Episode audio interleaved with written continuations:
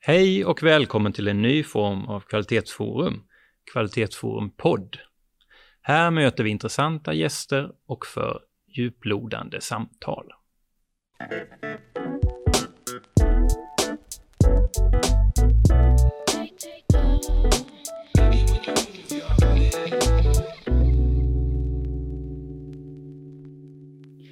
Välkommen till del två av tre. I följande avsnitt möter vi läkare Joa Björk i ett samtal om existentiell hälsa och välmående i vården. Jag heter Bodil Edvardsson. Hej Joa! Hej! Välkommen till Kvalitetsforums nya podd. Tack så mycket. Du kan börja med att presentera dig själv. Ja, visst. Joar Björk heter jag. Jag är läkare och arbetar i palliativa teamet här i Växjö och jag är också medicinetiker. Mm. Och idag ska du prata på temat vårdens roll i patientens existentiella välmående. Just det. Jättespännande. Ja, verkligen. Eh, ja, det vill jag gärna göra och jag har också förmånen att ha fått höra biskop eh, Fredrik Modéus prata om det här ämnet eh, tidigare. Så att jag, det här som jag kommer att säga nu kommer delvis att vara mina egna tankar och delvis kanske början till ett svar på en del saker som Fredrik sa och sen kommer Fredrik och jag mötas en gång till. Mm. Jätteroligt. Och jag börjar med att säga att min roll i det här kommer att vara den av en kritisk vän. Och med kritisk vän menar jag någon som är vänligt sinnad. Eh, jag tycker förstås att existentiell hälsa eller existentiell välmående eh, är någonting jätteviktigt, eh, nödvändigt och värdefullt. Samtidigt den lite kritiska biten är att jag som läkare kan ha lite svårt att veta hur jag ska eh, arbeta i relation till eh, existentiellt välmående eller existentiell hälsa. Så att det blir min ingång och jag kommer att diskutera de här sakerna utifrån begrepp som medicinens åtagande, neutralitet, respekt för patientautonomi och kompetens. Eh, när jag talar om medicinens åtagande så menar jag vad har vi tänkt oss att sjukvården ska göra? Vad är sjukvårdens uppgift i samhället? Eh, och då finns det flera skäl att fundera på Eh, hur mycket sjukvården överhuvudtaget kan och bör göra i relation till existentiell hälsa. Mm. Eh, vi vägleds av eh, ett ideal av neutralitet. Alltså det finns vissa former av tycke och smak som vi Eh, inte ska styras av i sjukvården, eh, utan istället är det eh, ofta ganska tydliga riktlinjer som, som ska styra oss på ett neutralt sätt. Och det innebär ju för det första att eh, det tydligt religiösa innehållet eh, går bort. Eh, absolut inte i den bemärkelsen att, att jag inte ska lyssna när patienten talar till mig om, om tydligt religiösa frågor. Eh, det är uppenbart och det kommer jag komma tillbaka till att, att min roll som lyssnare eh, tar jag på, på väldigt stort allvar. Eh, men min roll som, alltså jag får inte eh, försöka sprida religiöst budskap eh, oavsett vilken mm. religion det eventuellt skulle tillhöra. Jag tänker att det du berättar nu, finns det inte risk att man hastar förbi de själsliga behoven? Jo, absolut. Eh, så att, så att hela min position här är väl, som jag har sagt det här med kritisk vän, alltså jag är vän, eh, jag önskar skapa ett utrymme för de här samtalen. Men summan av det jag säger kommer att vara att eh, jag uppfattar att min roll som läkare kommer att vara något eh, passiv i, i det mm. samtalet. Jag mm. kommer mer att vara en lyssnare mm. av de här skälen som hänger ihop med neutralitet och respekt för patientens autonomi. Um, så att jag sa att en, en konsekvens av neutraliteten är att eh, jag inte får eh, lobba för någon individuell mm. religion. Och jag skulle vilja säga att neutraliteten går ett steg längre, nämligen att jag måste egentligen också vara neutral i förhållande till vilken sorts människa man ska vara. Alltså ska man vara en grubblare eller inte? Patienten måste i någon mån ha rätt att inte grubbla. Sen kan jag hålla med om att existentiell hälsa, att ha existentiell hälsa innebär nog faktiskt att man ställer sig vissa frågor. Mm. Eh, men om patienten inte vill ställa sig de frågorna så kan jag inte tvinga honom eller henne. Eh, Fredrik Modéus sa så klokt att eh, han ser existentiell hälsa som en balans mellan vissa former av frågor och vissa former av svar. Mm. Eh, och då blir min respons på det ungefär att eh, även om jag håller med om det så kan jag inte utgå från när jag möter en patient att patienten har de här frågorna och jag kan inte heller tvinga patienten att ställa frågorna. Och vad det gäller svarsbiten så har jag inga svar. Ehm, mm. Eh, så det var något kort om, om hur jag är begränsad av min professionella neutralitet. Och jag har också touchat på det här andra ämnet som jag kallar respekt för patientens autonomi. Nämligen att så långt det är möjligt så är mitt ideal av sjukvården att jag ska, eller vi, sjukvården ska finnas till för att hjälpa patienten med det patienten vill ha hjälp med. Mm. Om det är att patienten kommer till oss eh, med medicinska och existentiella utmaningar, då vill jag gärna göra allt jag kan för att hjälpa till även med de existentiella utmaningarna. Men eh, jag tycker det finns många skäl att vara försiktig med en situation där det verkar som att vi bestämmer agendan. Eh, en nidbild av det är ju patienten går till doktorn och säger jag har ont i foten och doktorn säger nej men du, nu ska vi prata om dina alkoholvanor. Mm. Eh, den, den tendensen finns i sjukvård också Mm. och den vill jag varna för av skäl som hänger ihop med det här med att respektera patientens autonomi. Det ska vara patientens agenda i första hand. Du möter patienten med det där han vill bli mött eller hon, hen vill bli mött. Ja, det är mitt Mm. ideal, Mm. absolut. Mm. Precis.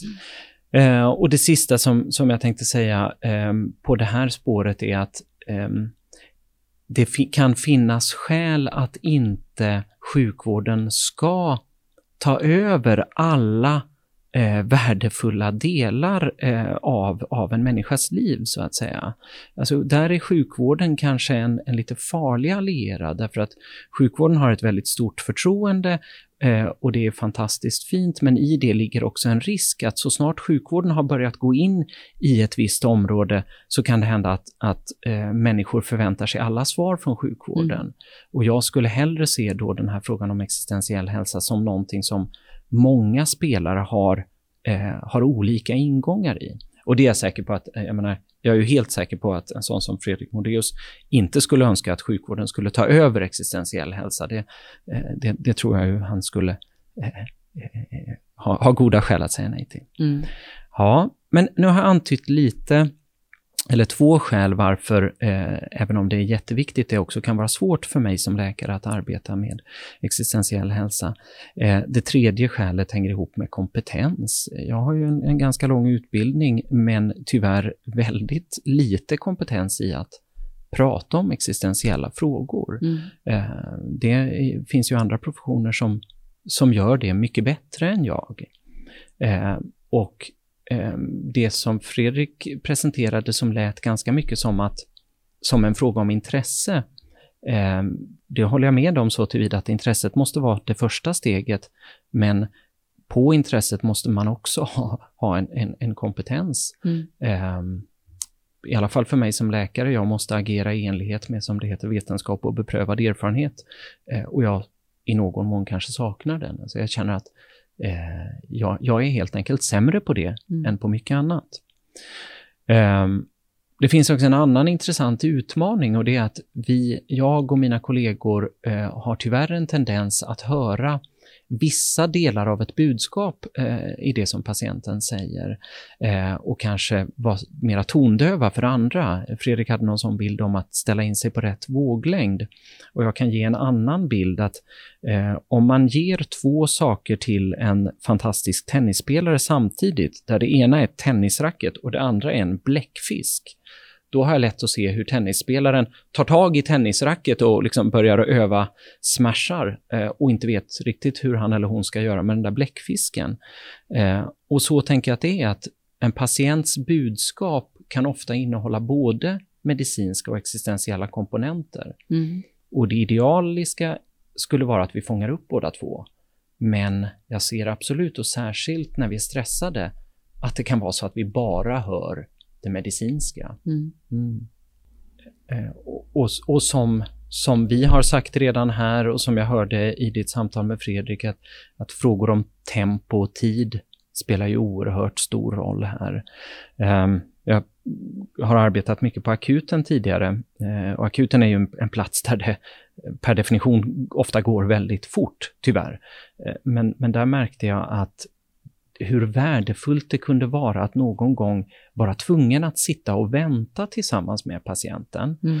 Eh, jag kommer ihåg några tillfällen där jag hade bett sköterskan att komma med någon grej och så tyckte jag att det var inte dags att fortsätta prata, så att jag var tyst. Mm. Vi satt gemensamt och väntade.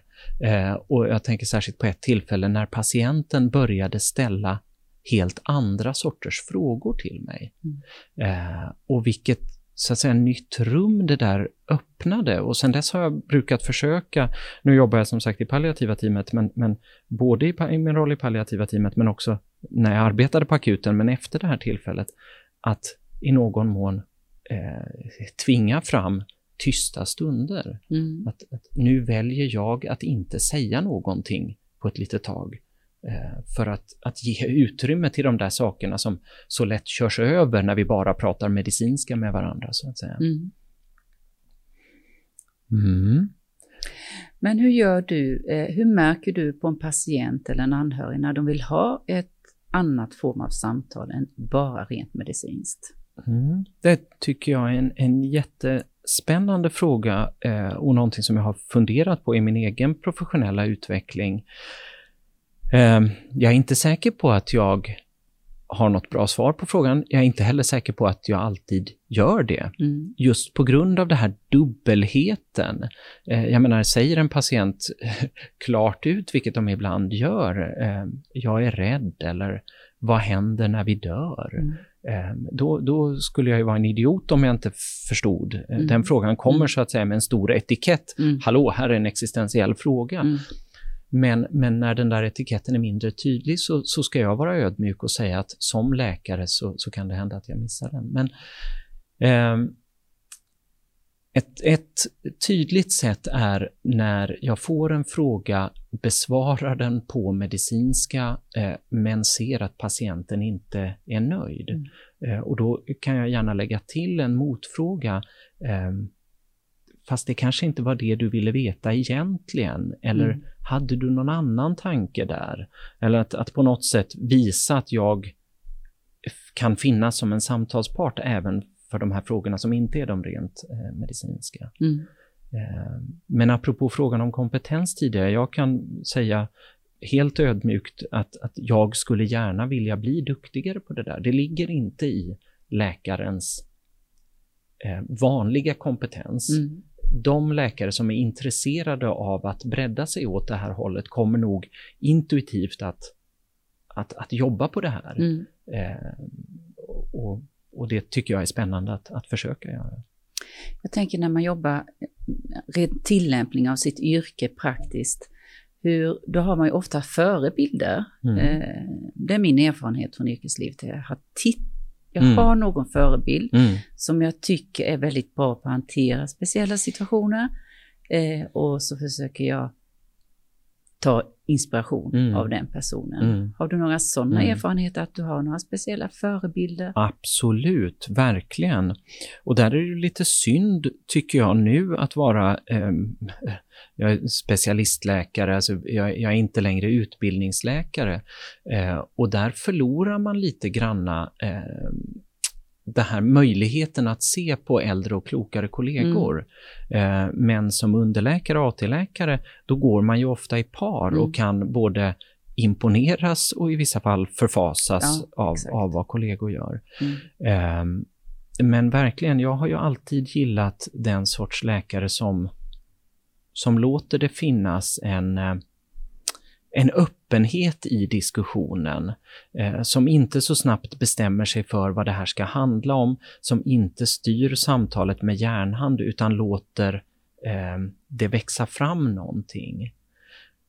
Eh, fantastiskt inspirerande minnen och upplevelser av eh, äldre kollegor som, som jag tycker gör det där. Och andra som stänger in och stänger mm. ner Eh, och gör att samtalet bara handlar om det rent medicinska. Mm. och jag kan koppla till en annan sak som Fredrik talade om var ju riten, relationen och rummet. Eh, och det tyckte jag, eller jag tänkte i mitt, i mitt huvud på vad har sjukvården? Egentligen har vi ju alla de tre sakerna också, fast kanske inte lika trevliga som, som i kyrkans värld. Eh, I mitt arbete i palliativa teamet har jag förmånen att träffa eh, patienter många gånger om och där skulle jag verkligen vilja tala om att jag skapar en relation mm.